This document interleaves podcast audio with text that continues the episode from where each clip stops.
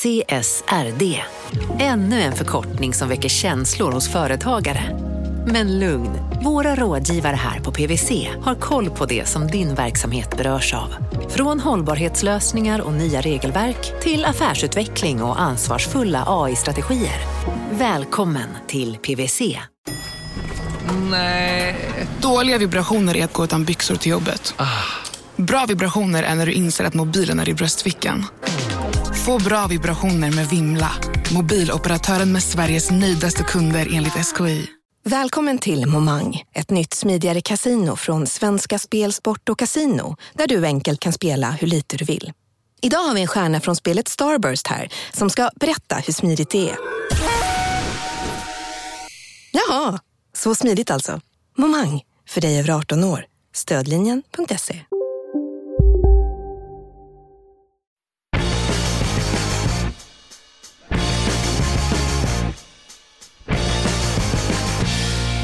Krypto-community försöker köpa amerikanska konstitutionen. Mannen som gett namn åt sitt eget analysverktyg och snart öppnar Bitcoin City. Underbara lyssnare, det är torsdag och vad kan passa bättre då än ännu ett avsnitt av De kallar oss krypto. Podden som med stadig hand visar vägen genom kryptolabyrinten. Och jag som håller i den här kartan då eh, heter Mårten Andersson. Eh, vid det här laget vet ni väl kanske att jag är entreprenör, komiker, eh, men framförallt då programledare för den här podden. Eh, Och till höger om mig, eh, min klippa, eh, min ether rock, Gunnar Harrius, ekonomijournalist. Hej! Hej, hur mår du Mårten? Jag mår jätte, jättebra, gör jag. Jag är gräsänkling.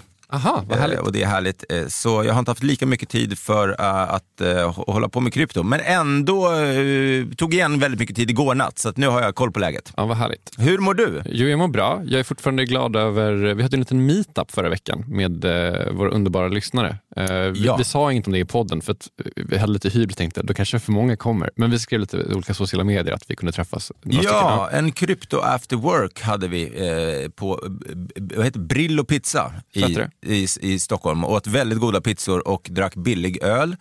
Eh, men framförallt så var det, det var fantastiskt eh, att vara där, för att det var verkligen jag fick någon sån här, jag pratade med väldigt många av, Mm. av våra lyssnare och vi hade också våra gäster som var där, flera stycken av dem som kom dit och vi hade även... Tack eh, alla som kom. Ja, verkligen.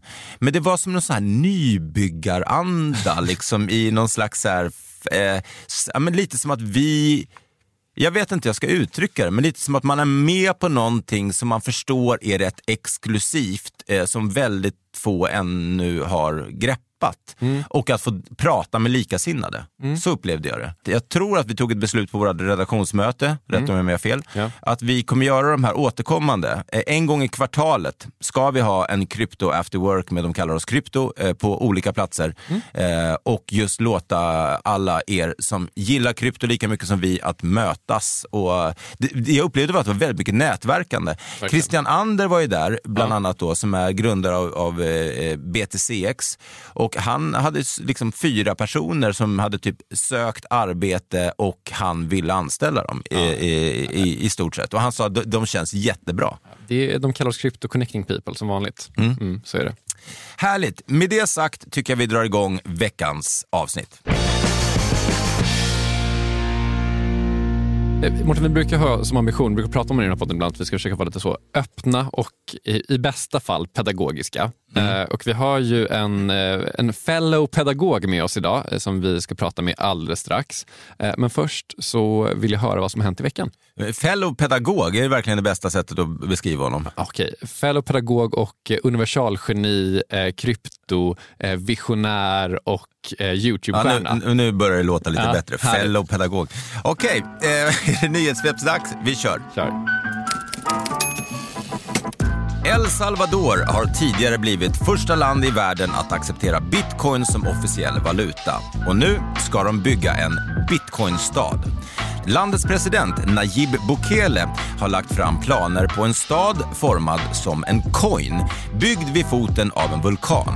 So we were thinking of building Bitcoin City. Vulkanens energi ska användas för att mina bitcoin och staden i sig ska inte ha några skatter.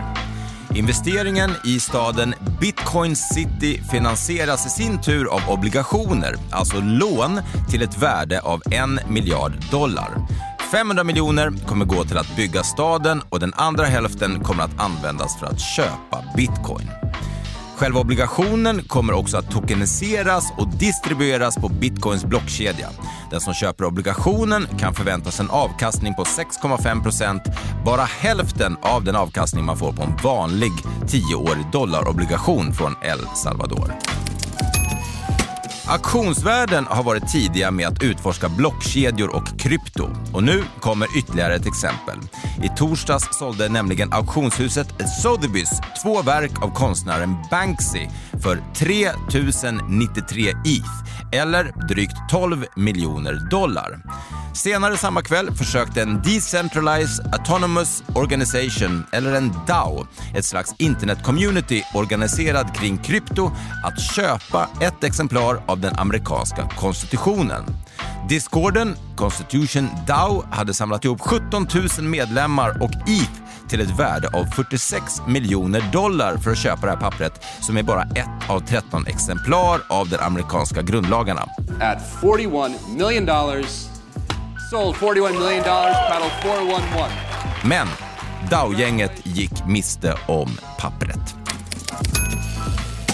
En av världens största kryptoskandaler börjar nu äntligen nå sitt slut. Det handlar om Mount Gox, en av de första stora bitcoinbörserna som 2014 blev hackad. Det här resulterade i att börsen kraschade och användare förlorade bitcoin till ett värde av en halv miljard dollar. Nu ska förvaltaren för kursboet fördela de 141 686 bitcoin som finns kvar i konkursboets ägo till börsens fordringsägare. Marknadens förväntan på en översvämning av coins har bidragit till att bitcoin haft en stökig vecka. Efter för förra veckans all time high på nästan 70 000 dollar så står bitcoin i talande stund under 56 000 dollar.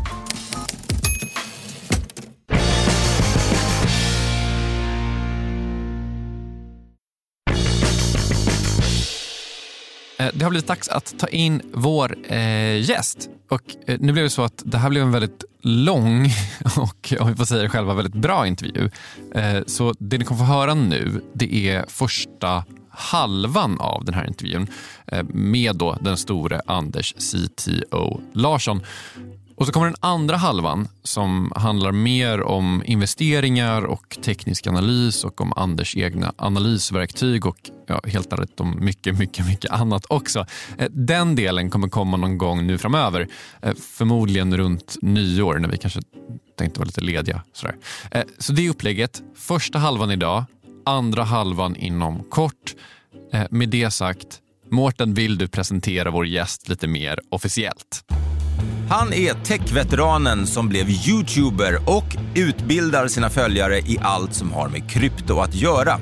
Dessutom har han skapat sitt helt egna tekniska analysverktyg.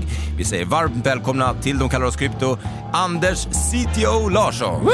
Tack så mycket! Otroligt roligt att vara här. Det här är min första svenska kryptopodcast. Äntligen! Bara innan vi kommer till dig och din historia, är det någonting i, i nyhetssvepet som du, du vill eh, reagera på? Det här med El Salvador är ju, jag tycker det var det flippigaste jag läst upp. Ja, Elsa, det, det finns jättemycket intressant. Man kan- skulle kunna, jag skulle kunna prata en timme om bara det. Men jag tror kanske jag ska kommentera på en annan sak istället. Och det är de här Mt. Gox eh, bitcoinen. För att det finns en lärdom i det här. Det är precis som ni säger, att det, det hänger som ett mörkt moln över marknaden just nu. Och eh, antalet coins som kommer att bli distribuerat, det är ungefär 1 av det som jag tror är den faktiska cirkulerande supply. Det, är, det är ganska mycket, det är nästan lika mycket som eh, MicroStrategy och Michael Saylor har, har köpt i bitcoin. Så det är, det är mycket, men det är ändå bara 1 Och då ska man, Det här kan man komma ihåg när man analyserar andra coins sen, där det kanske finns tidiga investerare, team, allocation som kanske sitter med 30 procent eller 40 procent. Då ska man komma ihåg hur stor impact oron för de här Mt. Gox-coinsen eh, hade på, på bitcoin. Och då är det bara 1 procent. Och de har inte släppts än. De har inte distribuerats än så vitt jag kan förstå. Så att det är inte de Det är inte de pengarna som säljs, men bara oron för de pengarna har ändå så stor marknadsimpact. Ska man komma ihåg när det finns andra coins där någon som sitter med 30 procent. Ja, just det. Spännande. Man får vara försiktig. Nu är jag långt ifrån någon CTO Larsson. Eh, jag är mer en praktikant Andersson. Eh, men jag tänker kring det här med Mount Gox också att de som var inne i det, vi pratade 2014, jag vet att Erik Wall som har varit gäst hos oss några gånger var en av de som blev drabbade av det här. Det här är ju eh, original gangsters, alltså bitcoin OGs. Varför skulle de sälja nu? Eh, Jag, jag kan inte se det hända, så jag förstår inte riktigt oron för det. Jag- eh, För att de har ju, skulle kunna tjäna väldigt mycket Fiat-pengar Jag om de sålde, för de har ju hållit sedan 2014 Såklart, passivt. Liksom. såklart. men eh, det här är väl också personer som har förstått bitcoin på ett sätt som vi andra inte ens är i närheten av. Och då säljer man inte på 60 000 dollar om man tror att det ska till en miljon. Eller, kollar man Erik Wall-avsnittet så pratar han om, eh, om jag minns rätt, att minst 500 000 dollar snart. Skulle man Absolut. sälja då nu? Men jag menar så här, eh, Erik Wall är en av de som har köpt, men alla av de som har köpt är inte Erik Wall. Vissa köpte väl bitcoin bara för att det var typ lite kul 2014 och upptäckte Ja. en kul grej. Alltså, Men Det, det kommer säkert vara så här att en del av dem som får eh, tillbaka, eller vad man ska säga, då, en del av sin bitcoin, de kommer säkert sälja. Men en del av den här distributionen kommer också vara i fiat, som jag kan förstå. Just En det. del av dem kanske köper.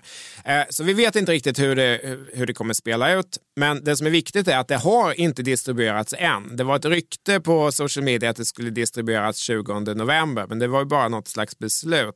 Det, pengarna har inte distribuerats än. Så att det här... Det Q1, Q2 hörde Det det jag. det jag läste. Exakt, så att det som händer på marknaden nu är inte de coinsen. Nej. Utan då ska man istället tänka då som en, kanske en liten contrarian. Vad är det som händer? Vem är det som säljer? Är det någon som försöker manipulera oss här? Är det det som händer? Men jag tror att det är viktigt att, att tänka lite som en contrarian här. För det narrative nu är att det är oro för bitcoin eh, för, på grund av Mt. Gox. Men de har inte distribuerats än. Så vad är det som händer egentligen? Vi Och, och, och kommer de ut som eh, USDT eller alltså som fiatpengar, då, då är det ju ett helt annat läge. Men Anders, eh, du är ju eh, mest känd för din YouTube-kanal. So should you buy Cardano ADA ahead of the smart contract release on September 12th or is the price surge over and it's time to sell? Let's find out together. Där du eh, är med och eh, utbildar i liksom, kryptorelaterade grejer, en hel del trading och sådär. Men, som du sa, det här är liksom din första eh, svenska kryptopodd som du är med i. Vilken, vilken ära för oss att, att du är här. Jag har ju känt lite, jag har känt mig nästan lite, lite ledsen att Sverige har på något sätt inte varit lika mycket i bräschen i det här tekniksprånget som i många av de andra. Jag är jätteglad för jag känner att det börjar vända nu.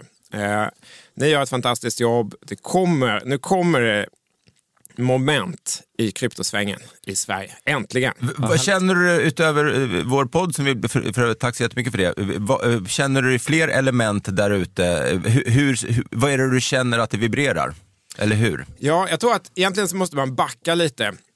För att det som drev hela början på den här kryptosvängen, det var på något sätt någon slags frihetskänsla tror jag. I USA så här, man ska stå för sin ranch i Texas med sin, eh, sitt gevär och så är det så här freedom sign.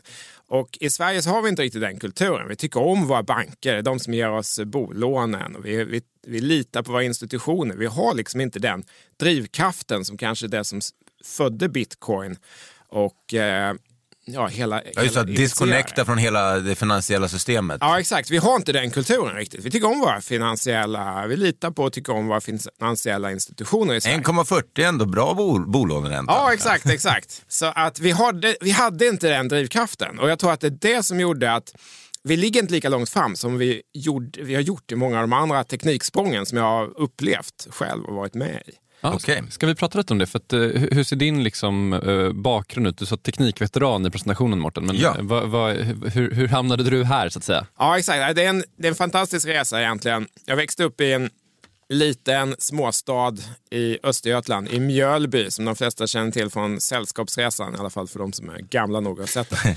Eh, ett, eh, ja, Vilka var det som var från Mjölby? Ja, herr och fru Storch, tror jag. Storken. Okej, klassiker. Eh, och, eh, och jag då. så att, eh, och ett idylliskt villaområde. Så här. Min, min pappa köpte en dator till mig när jag var 11 år. Lambda 8300, den hade 2 kilobyte RAM. Och eh, så började jag programmera Basic på den. Och det var det som på något sätt skapade hela det som blev min professionella karriär. Och jag fick den gåvan. Och det skapade då ett, ett intresse som egentligen skapade all, förutsättningar för allt som jag har gjort sen.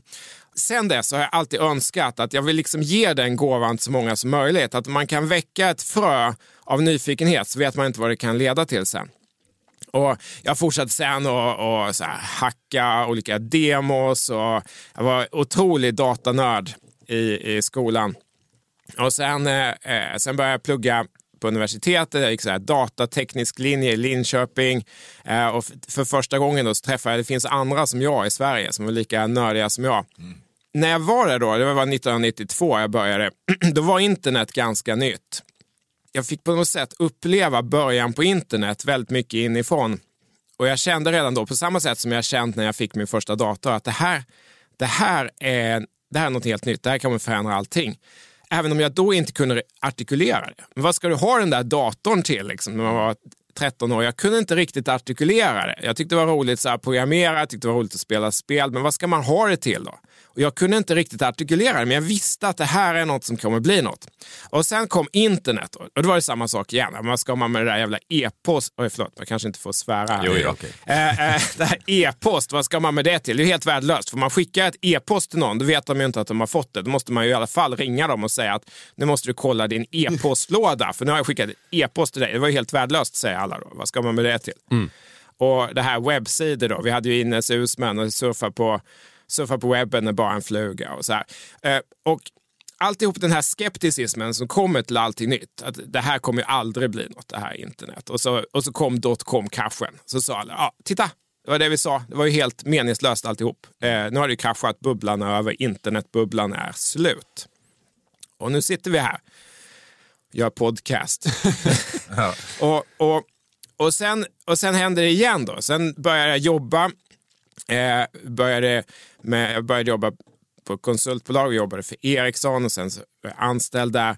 Och eh, vi, jag kom in precis när mobildata började. Så vi satt i en barack. Vi fick inte riktigt sitta så här i finhuset utan vi satt på en åker så här, i ett barack eh, i Linköping utanför det fina huset och programmerade på de här dataprotokollen. Och eh, det var samma sak där det var en otrolig skepticism. Det här kommer ju liksom aldrig bli något. Och, och några år tidigare än det så, innan det så var folk skeptiska mot mobiltelefonen som sådan. De flesta sa att det kommer aldrig, det kommer aldrig ta fart. Okej, kanske veterinärer och yuppis, men mm. nej, jag kommer aldrig ha en mobiltelefon. För att jag gillar inte ens idén att folk kan nå mig. Mm. Så att de är för tunga, de är för dyra. Jag gillar inte konceptet. Jag kommer aldrig jag kommer aldrig ha en mobiltelefon. Och sen kom mobildata då. Nej, men, kom igen, det här är ju alldeles för långsamt. Det här kommer aldrig bli någonting. Och idag så är det 8 miljarder mobilabonnemang. Det är lite fler än jordens befolkning. Uh, ungefär drygt 5 miljarder individuella människor som har en mobiltelefon. Och det demokratiserar det hela information. Alla i världen har tillgång till nästan samma information idag. Och, men det var en otrolig skepticism mot det också i början. Och där var jag med på, hade en del i att skapa hela den, den resan. Vad, vad är det vi pratar om då? Är det liksom 1, 2G eller vad kan det heta? Ja exakt, så det var 2G. Det vi började då var mobildata på 2G. Så här, programmerade några protokoll, då, RLC Mac-protokollet och sådär. Eh, då, det var ingen som visste, kommer det här ens funka? Är det här en galen idé? Det här kanske inte går. Eller gör det det? Och nu så alla, alla människor på hela jorden mm. har det här i fickan. Eh, det är förstås uppgraderat. Och, och 2G, 3G, 4G, 5G och så vidare. Men och parallellerna där är otroliga. Vi ska prata mer om det sen. Men parallellerna mellan blockchain och de här telekomprotokollen, det är, det är ett till ett nästan. Det var ju Idag ser det, verkar det kanske uppenbart vilka protokoll som skulle vinna och så. För det blev verkligen en global standard. Till och med i Kina så har vi samma telekomprotokoll som resten av världen. Och nu har vi samma situation igen med blockkedjor. Det finns massa olika protokoll.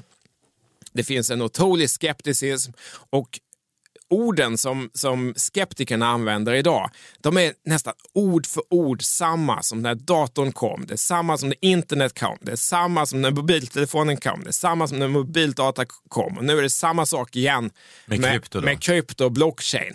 Nej, men vad ska man det där till? Det är bara det är bara kriminella och terrorister eh, som behöver använda det. Det är samma sak med internet. Liksom. Ja, det, är bara, det är bara porr och ja, vad ska man med det till? Eh, och eh, de flesta människor tycker inte om förändring. Man har en, en motstånd mot förändring. Man, man har en skepticism. För det har hänt så många gånger, jag har sett det så många gånger och nu händer det samma sak igen. Och jag ser det. Och jag vet, jag, jag har hört den här sången innan. Jag vet hur den kommer sluta. Krypto är inte en, det är inte en bubbla eller någon, någon eh, fad. Utan att ha pengar på internet, globala pengar på internet, det är klart att det är användbart.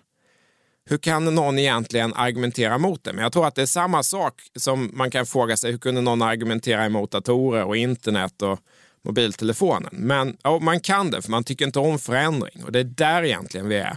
Men blir det inte lite så confirmation bias på det där? För att alltså om alltså du tar upp internet och du tar upp mobildata och du tar upp liksom mobiltelefoner och jag tror att alla som hör det här håller med om att det var nog bra att de grejerna kom. Men det har väl också kommit jättemånga grejer däremellan som folk har sagt att det här kommer aldrig bli någonting som faktiskt aldrig blev någonting heller. Och alltså, det är väl den liksom, vad ska man säga, hur man avgör vad som blir någonting där som är, det svåra. Bara för att internet blir någonting så behöver ju inte blockchain bli någonting ändå. Kan man Nej, men väl säga. absolut, det är helt, helt rätt. Och eh, skillnaden är att jag personligen har varit i alla de här stegen och nu är jag där igen. Och jag har aldrig varit så övertygad som jag är den här gången. Kanske för att när det händer första gången i ens liv så är man lite mer försiktig. Man vet inte riktigt, är jag en idiot?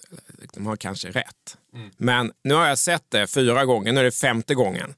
Eh, Den här gången är jag inte blyg och tveksam, utan jag är helt säker på att det är klart att pengar på internet, globala pengar på internet, det är klart det finns ett värde på det om man tittar på vad som händer i världen i övrigt. Vi lever mer och mer av vårt liv digitalt.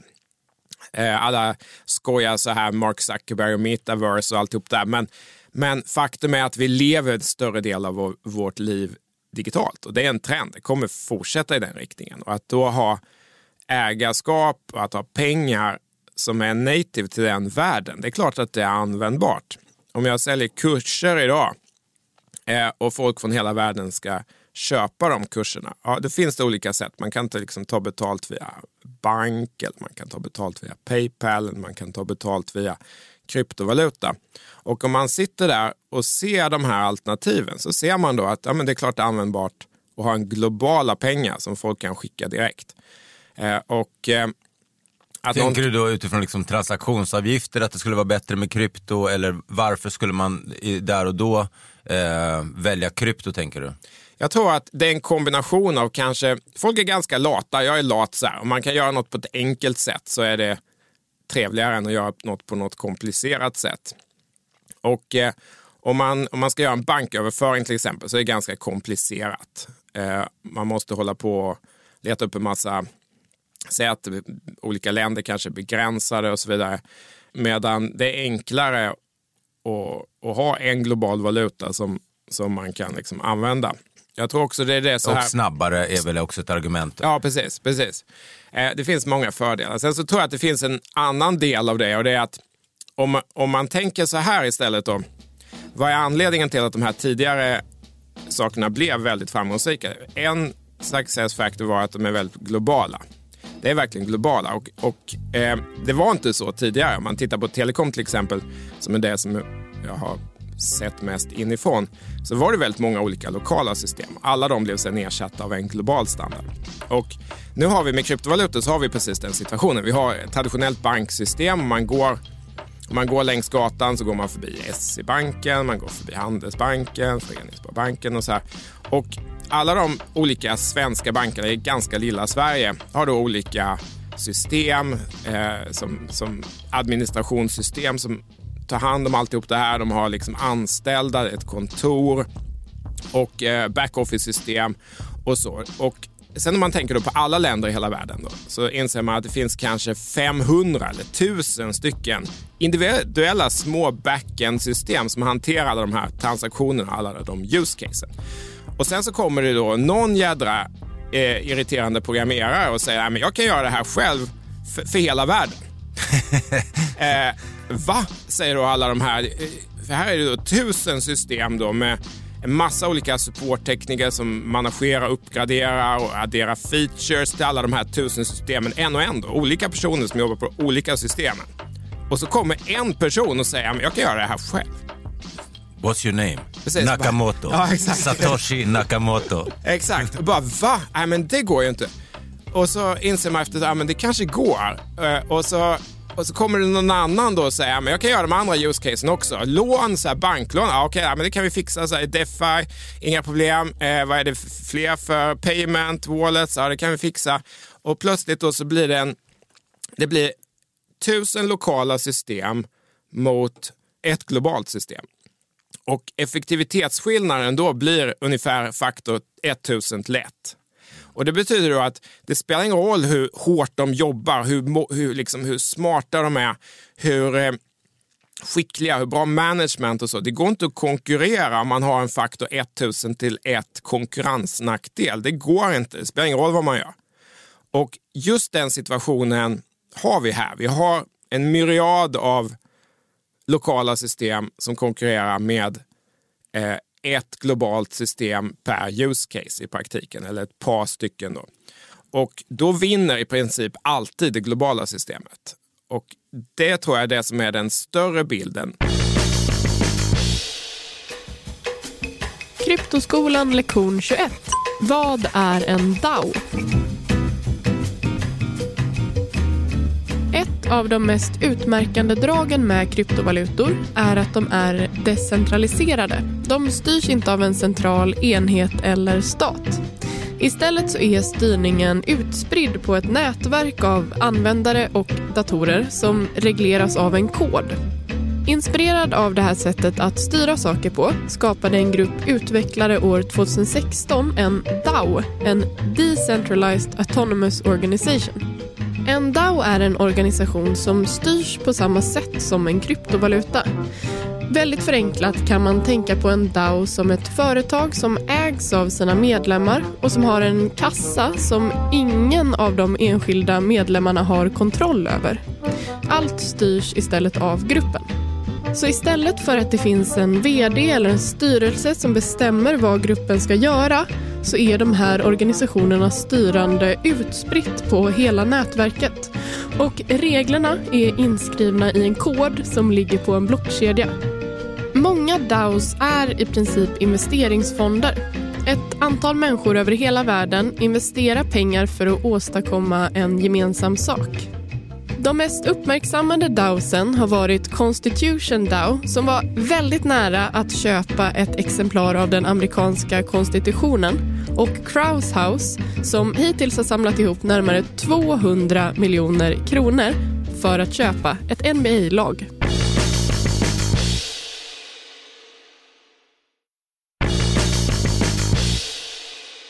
Är det det som är din parallell då till exempel? Att, att, att, att, först var det NMT tänker jag, sen var det väl GSM som blev någon slags world standard och de här lokala gick åt helsike som du sa. Och nu ja. pratar man då om bitcoin blir den, den stora globala eh, Exakt. Kontra, ja, okay. ja, precis så är det. det. Eller så blir det någon annan kryptovaluta. Det, det, kan vi inte riktigt säga säkert. Det kommer, man, det kommer liksom nästa fråga. Då. Jag tycker vi ska diskutera det också. Är det bitcoin, eller är det ethereum eller blir det Solana eller Avax? Eller vad är, vilken är det? Eller är det flera? Eller är det många? Men, men jag tror att om man börjar med att titta på hela industrin så måste man se den här bilden att lokala system kan inte konkurrera med globala system. Och eh, eh det kommer inte ändra sig. Och det tror jag gör att hela den här traditionella sektorn kommer ha otroligt svårt att ta sig ur den här situationen. Det spelar ingen roll hur duktiga chefer och hur hårt arbetande arbetare de har. Det har inte med det att göra, utan det är hela konstruktionen på de här ekosystemen. Men sen så kommer det säkert ta mycket längre tid också än, än, än många tror. Om man tittar på igen då internet eller mobiltelefoner, hur lång tid tog det? Det tog otroligt lång tid. Folk är väldigt tröga Eh, Steve Jobs sålde nästan inga av de första iPhonesen, liksom, första tre åren. Det var jättefå som köpte den. Och, och Det är samma sak med alla tekniksprång. Det tar väldigt mycket längre tid än de flesta tror. Det kommer det säkert göra här också. Och så går det kanske att bromsa. Det här är ju inte bara en pryl, eh, eh, alltså en, en, som man har i sin hand, utan det här är ett helt globalt monetärt nytt finansiellt system. Exakt, exakt. Så det lär ju ta lite längre tid då. Det kommer det ju absolut göra. Och så går det ju dessutom att bromsa det då. Om man, för, om man tänker så här då. Okay, man, man, man har den här bilden för, framför sig. Man har lokala system på ena sidan och, och ett globalt eller ett par globala system på andra sidan. Och det är det som är konkurrensen. Och då inser man då att det här, de här lokala systemen, det är väldigt många som gärna skulle vilja att det, det läget inte ändras. Förstås då liksom bankerna som sådana som naturligtvis uh, har sin affärsmodell hotad. Men det finns andra stakeholders också. Och eh, eh en stor del av, av alla politiker som vi pratar om idag, de är ju lokala, de är väljs per land.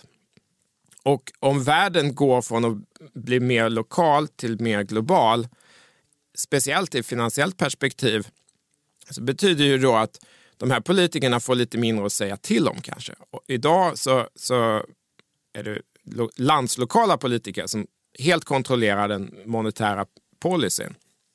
Om det plötsligt blir globalt, då tappar de bort en stor del av den kontrollen. Och det gillar de säkert inte. Eh, och eh, det kan man ju argumentera, är det bra eller är det dåligt? Och jag, jag vill inte liksom lägga någon värdemodell i det, men jag ser att det kommer förmodligen bli det globala systemet som vinner. För vi hade ju Stenbeck och alla de här som pratade om det väldigt tidigt, att det är väldigt svårt att stoppa teknik. Det är väldigt svårt att stoppa in det i lådan igen när det väl är ute, om det inte är någonting som är, är liksom katastrofalt farligt för mänskligheten eller någonting sånt. Men det är inte det här. Det här är användbart. Alla kan liksom se det på något sätt. Och då är det väldigt svårt att stoppa in det i lådan igen och säga att ni får inte, ni får inte använda det. Man kan kanske försena det.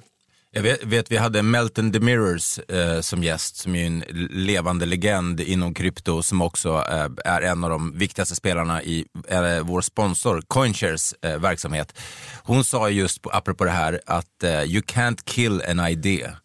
And you can't put, eh, put eh, visions into prison. Så att, liksom, de, hon är inne på helt samma sak som du. Att det, det, visst, du kan försena det, men, men, men du, det går inte att stoppa en idé. Men alltså man kan ju försena det, men man kan ju också förändra det. Alltså jag, jag tänker typ om man eh, jämför med till exempel de lokala mobiltelefon, liksom, eh, protokollen som fanns innan. Skillnaden där, alltså vi har haft en riksbank i Sverige i 700 år och eh, alla människor i Sverige använder kronan. Alltså så här, det, det, jag tycker det är lite skillnaden då i hur adapted Sverige är till kronan jämfört med hur, hur, hur adapted Sverige var till det lokala typ mobiltelefonsystemet 92 eller vad man ska säga. Alltså, och där blir ju också vad ska man säga, möjligheten till förändring fr- från det rådande systemet får ju större utrymme då. Liksom. Alltså, Riksbanken och staten Sverige har ju st- större möjlighet att förändra eh, vad en, en, en valuta i Sverige kan bli än vad typ ett mobiltelefonsystem liksom, leverantör i Sverige hade 92. tänker jag. Ja, absolut, absolut. Att det ligger närmare politikerna menar du? Att det är mycket enklare att reglera, eller alltså bestämma? Det ligger närmare politikerna att kunna reglera någonting som har funnits i Sverige i hundratals år än vad det fanns att göra liksom ett mobiltelefonsystem som hade funnits i Ja, som det är två år. Stenbeck och massa andra saker, Exakt. men här pratar man om en valuta. Ja, det är, nå- det är ändå något annat och det är någonting som har en extremt stark folklig förankring. Många- Kommentar CTO Larsson. Absolut. Nej, men du, du har helt Nej, men jag, rätt. menar alltså. inte, att- jag menar inte att det här är så här kritik mot Nej, dig. nej, nej, men du, bara du har helt rätt. Du har Ja, helt det- rätt. ja. Du har helt rätt. Du har helt rätt. Så att, eh, självklart, det här är otroligt annorlunda. När någon kommer med något jädra internet och så här. Det var ju diskussioner, ska vi reglera? Eller vem är, det som, vem är det som reglerar internet och ser till vad det är för folk publicerar på internet? Vem är det? Och så var det då, nej, det är ingen. Va? Men ve- någon måste ju, någon måste ju se till vad det är. Vem är publisher för internet på Sverige? Nej, det finns ingen. Folk kan lägga ut vad som helst. Så att den debatten finns ju, men ändå, det var nog så här, nej men det där internet kommer ju aldrig bli något. Så vi, vi, vi skiter i det. Eh, och mobiltelefoner också, det kommer ju, de får väl hålla på. Då. Men här är det någonting som är väldigt nära hjärtat. Det är det jag försökte säga där, att en, en stor del av varje lands politikers makt eh, handlar ju om den ekonomiska policyn. Och plötsligt kommer det någon jävla programmerare och säger men ni behöver inte hålla på med det längre. Vi har fixat det. Det är 21 miljoner bitcoin och ni kan gå hem allihop. Mm. Eh, det, det, gillar, det gillar... Här för första gången så är alla politiker nästan i hela världen överens om att det här är dåligt. Eh, för att monetära policy måste ju vara lokal. Det är vi som bestämmer över den. Och vi har haft Riksbanken i 700 år och, och det ska inte ändra sig. Så att det här är ju mycket känsligare. Det ligger mycket närmare hjärtat och det är en, kanske en större del av, av samhället alla inser att det är en större del av samhället. När internet var nytt så kändes det inte som en stor del av samhället. Nu är det det. Men det var inte det då, så att det, kan, det smög in på något sätt. Eh, och hade man liksom haft den här debatten då, eh, om man backade bandet, man visste hur världen skulle se ut 2021 och så hade man en debatt, ska vi tillåta det? Hade den debatten 1992 så hade det nog blivit nej i alla länder. Nej, det kan vi absolut inte tillåta. Det verkar ju helt galet. Vi har ju en chefredaktör på alla tidningar. Det är ju de som signar off vad som publiceras. Vi kan ju ja. inte ha alla människor publicera vad de vill. Det går ju inte. Så att det är, den, det, det är den situationen vi har nu och det kommer definitivt bli eh, en, en stark debatt runt det här tror jag. Mm. Eh, och eh, eh, som du säger också, man kan förändra. Man, eh, det kommer bli kryptovalutor i många olika länder. Kina väldigt tidigt. Hur ska man hantera den här förändringen? Då? De inser tidigt att det här kommer hända. Så vad gör man? Jo, man förbjuder, förbjuder de här västerlänningarnas eh, grejer och så gör vi vårt eget. Förbjuder Google, Facebook, Instagram, WhatsApp, hela västra internet så gör vi våra egna versioner. Här är samma sak. Då man identifierar att Eh, eh, det är mycket moment runt bitcoin från USA, så vi förbjuder det. Vi bygger vår egen kryptovaluta som vi har kontroll över. Det är så vi ska göra. Och här kommer säkert alla andra länder följa ungefär likadant. Så Sverige kommer göra, vi kommer göra vår e-krona, det är egen kryptovaluta. Alla andra länder kommer göra sin egen kryptovaluta. kanske finns en e-euro och så vidare. Så man då kommer försöka ta upp den här konkurrensen. Och det kommer ju vara mer effektivt än det traditionella banksystemet, absolut. Det kommer det vara. Men då har man den här situationen igen. Då har man en, en istället för tusen lokala system mot ett globalt, så har man kanske hundra lokala system mot ett globalt. Men det tenderar ändå bli så att det är det globala systemet som vinner. Eller då att man kanske, Kina är tillräckligt stort för att ha sitt eget ekosystem, så det blir de mot resten av världen. På mm. sätt. Men jag vet, jag bara säga en, en reflektion. Ja. Alltså, eh, nu är du, eftersom du är ekonom, ekonomijournalist också, jag tycker du har väldigt bra eh, balans i, det blir väldigt bra i podden när du, när du ställer frågor som jag inte alltid tänker på. För att jag blir ju så här carried away. Jag sitter bara och tänker så här, jag bara, fan det här är exakt så det är. Jag måste köpa mera. jag måste köpa mera.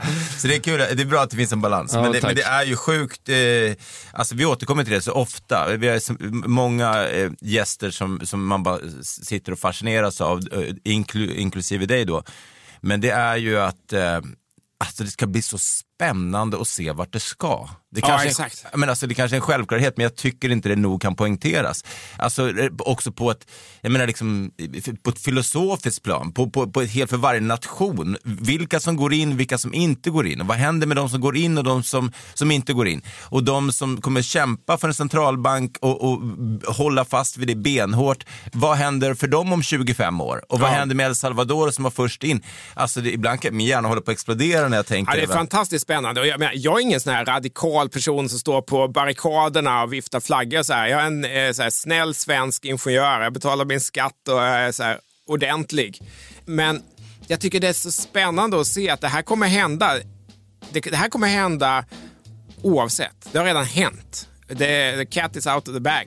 Det går, inte, det går inte att stoppa tillbaka det i lådan på något sätt. Utan innan gick inte det här problemet att lösa. Men jag tror att det många förstår inte heller att det var en faktisk uppfinning.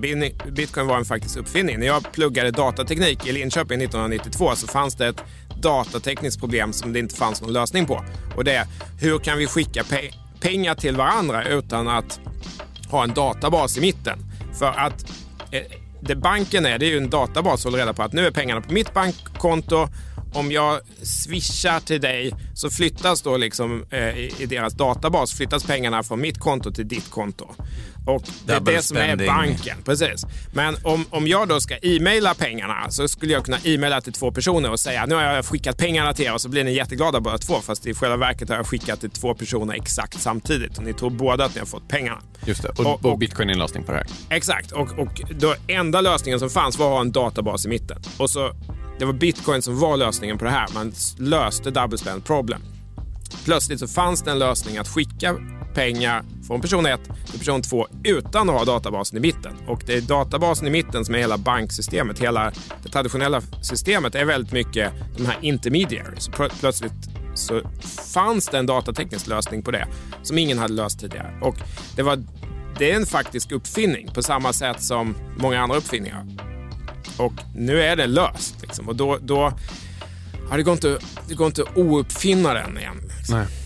Jag kan tänka ibland att man pratar om politiker lite väl raljant i den här liksom svängen. Man säger typ så här, ja, de har inte fattat någonting, de har inte fattat någonting.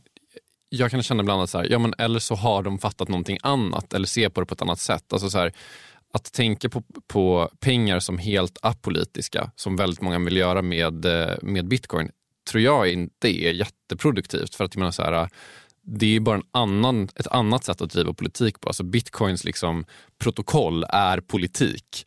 Alltså så här, det är, att säga att det finns 21 miljoner bitcoin, det är politik. Det är finanspolitik, eller penningpolitik i jättetraditionell liksom, bemärkelse. Och att tänka att eh, politiker inte har fattat någonting, ja, men de kanske har fattat exakt det. Att så här, apolitiska pengar har vi aldrig testat i världen Nej. och vi vet inte vad resultatet av det skulle bli. Det kanske är läge att hålla igen lite här. Och Det tycker jag är en ganska sund liksom, reaktion från politiker. Att så här, nu ska vi testa någonting helt nytt här som ska vända upp och ner på hela vår liksom, monetära system. Ah, ska vi det? Eller ska vi ta det lite lugnt här? Det, det, jag vill ha en politiker som säger vi ska nog ta det lite lugnt här. Vi ska nog känna oss fram lite grann innan vi bara så här, nu slutar vi med kronan, nu tar vi in bitcoin. Absolut. Och jag menar tekniken, vi ska göra klart för oss också att krypto idag, eller bitcoin idag, det är där internet var eh, liksom 1992 kanske. Eller där telekom var när man fick bära som en låda. Så här. Man fick bära telefonen som en låda. Det är där krypto är idag. Det är inte iPhone-era vi snackar om här. Det skulle inte funka idag om alla, hela världen alla skulle använda eh, bitcoin för allting. Det skulle inte funka rent tekniskt. Det är inte där än. Eh, Så att det här är en resa. Jag är en, lång, jag, jag är en så här long term guy, brukar jag säga.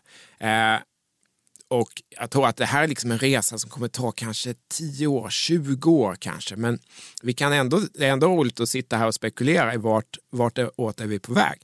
Och, eh, så du har helt rätt. Att det, det, det, går inte, det går inte att genomföra det här idag. Absolut inte.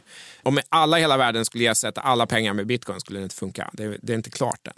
För att återknyta, jag, jag tror också det, det här med, som du säger med politiker, jag tror många är mycket in, mer intresserade och vet mycket mer än raljansen som jag kanske spädde på lite nu.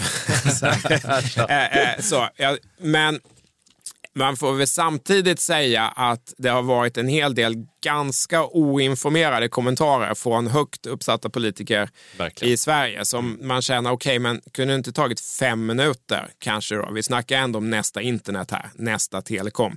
Kanske fem till tio minuters påläsning innan öppna munnen kunde vara liksom lämpligt. Men jag är samtidigt inte förvånad, för jag har sett det här nu liksom i alla de tidiga tekniksprången också. Det är en skepticism. Man vill kanske inte riktigt tro att det här händer, men jag tror att det kommer hända, men det kommer ta väldigt lång tid. Jag tror att det är en skepticism blandat med någon slags eh, förnekelse faktiskt. Och det, okunskap. eh, och okunskap. Eh, ja, det är en kombo av många saker. Men jag tror att om man skulle se sanningen i vitögat, vi säger att det nu blir som, som du och många med dig tror, att, att det, det blir en webb 3.0 med ett helt integrerat monetärt system som är krypto. Då betyder ju det att rätt många politiker kommer få börja söka andra jobb.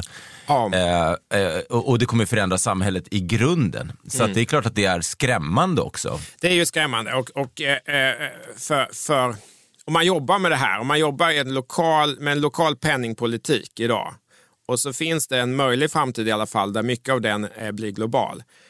Det är klart att man känner en förnekelse kanske. Då. Det är ju hela ens karriär, hela ens liv kanske, som inte behövs längre. Det är samma sak man jobbar på post. Om man inte bor i Staffanstorp. Ja, exakt. Då exakt. sitter man med bitcoin på sitt balance sheet. Nej, sorry, jag avbryter. Nej, det är, ingen fara. Men jag tror ändå att om man säger så här då. Om man tittar vart har trenden gått under vår livstid? Lokal till global. När jag växte upp i Mjölby på treårsgräns så var världen väldigt lokal. Att åka till från Sverige till Danmark eller till Tyskland. Det var en annan värld, en helt annan värld. Eller åka ända till Spanien. Det var liksom en helt annan värld.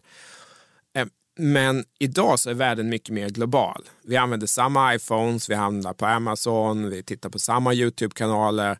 Eh, och, och så här, världen har blivit mycket mer global om man tittar över vår livstid. Och det finns nog ingenting som tyder på att den trenden eh, inte kommer fortsätta. Men om man frågar folk så här, gillar du globalisering? Så säger nästan alla nej, eh, det gillar jag inte. Jag är emot globalisering. Så om man tänker också ur politikernas perspektiv som ändå är här för att tjäna befolkningen. Befolkningen i allmänhet är ju emot globalisering, tror jag. De flesta länder så tycker man inte om globalisering. Man tycker om att vi ska ha vårt lokal, vår lokala värld. Och eh, kryptovalutor, bitcoin, det är ju globalt. Det är nästa steg i globaliseringen. Om det här händer, om pengar är globala istället för lokala, så är det nästa steg i globaliseringen. Världen blev lite, ännu lite mer globa, global. Den blev ganska mycket lo, mer global med internet och kommunikation. Men om pengar också blir globalt så blir världen ännu mer global. Och om man ställer frågan så, så tycker de flesta inte om det. Nej, men jag vill inte ha en mer global värld. Jag vill ju tillbaka till den här drömmen om, om vår, liksom, vår lilla community. Enormt stort tack eh, CTO Larsson för att du kom hit. Eh, var hittar man YouTube-kanalen? Om man, vad söker man på om man inte redan upptäckt den? Då går man till Youtube och så söker man på CTO Larsson. Och så vet man då att Larsson stavas med två S. Ja, Eftersom det är Svin. svenska. Den är väldigt kul, jag säga. Jätteroligt. Ja, så eh, med, det tack, eh, med det sagt, jättestort tack Anders för att du tog dig tid. Det var sjukt intressant att Det lyssna var på. jätteroligt, jätteroligt. Otroligt roligt med min första svenska kryptopodcast. Tack ska ni ha för att ha haft mig här. Det var jätteroligt. Tack så hemskt mycket själv. Nästa vecka Gunnar, vad gör vi då? Då ska det eh, handla om eh, tradingstrategier. Vi ska lära oss lite av vad man kan lära av börsen. Typ. Eh, ska man säga. Vad, vad man kan applicera på krypto och inte applicera på krypto. Och, Ja, men jag eh, tänker väl att lite tanken med det avsnittet är också att få just lite strategier för att det var som någon sa, en apa kan tjäna pengar på krypto idag. eh, men sen att behålla pengarna, det är desto svårare. Så att eh, lite strategier kanske, hur man ska tänka nu, eh, bull market versus bear market. Eh, Ska man stoppa in och sälja lite grejer och ha det stablecoins och kanske få räntor och, och var och sånt där. Så att vi, vi, det, det stora tradingavsnittet. Precis. Eh, andra halvan av veckans intervju kommer att komma framöver. Då kommer CTO Larsson alltså att prata om trading och hur man som investerare kan tänka och, mycket, mycket annat. Eh, den delen dröjer några veckor, men vi är tillbaka redan nästa vecka med ett nytt avsnitt. Eh, tills dess så kan ni följa oss på Twitter. Där heter vi eh, DKO Krypto.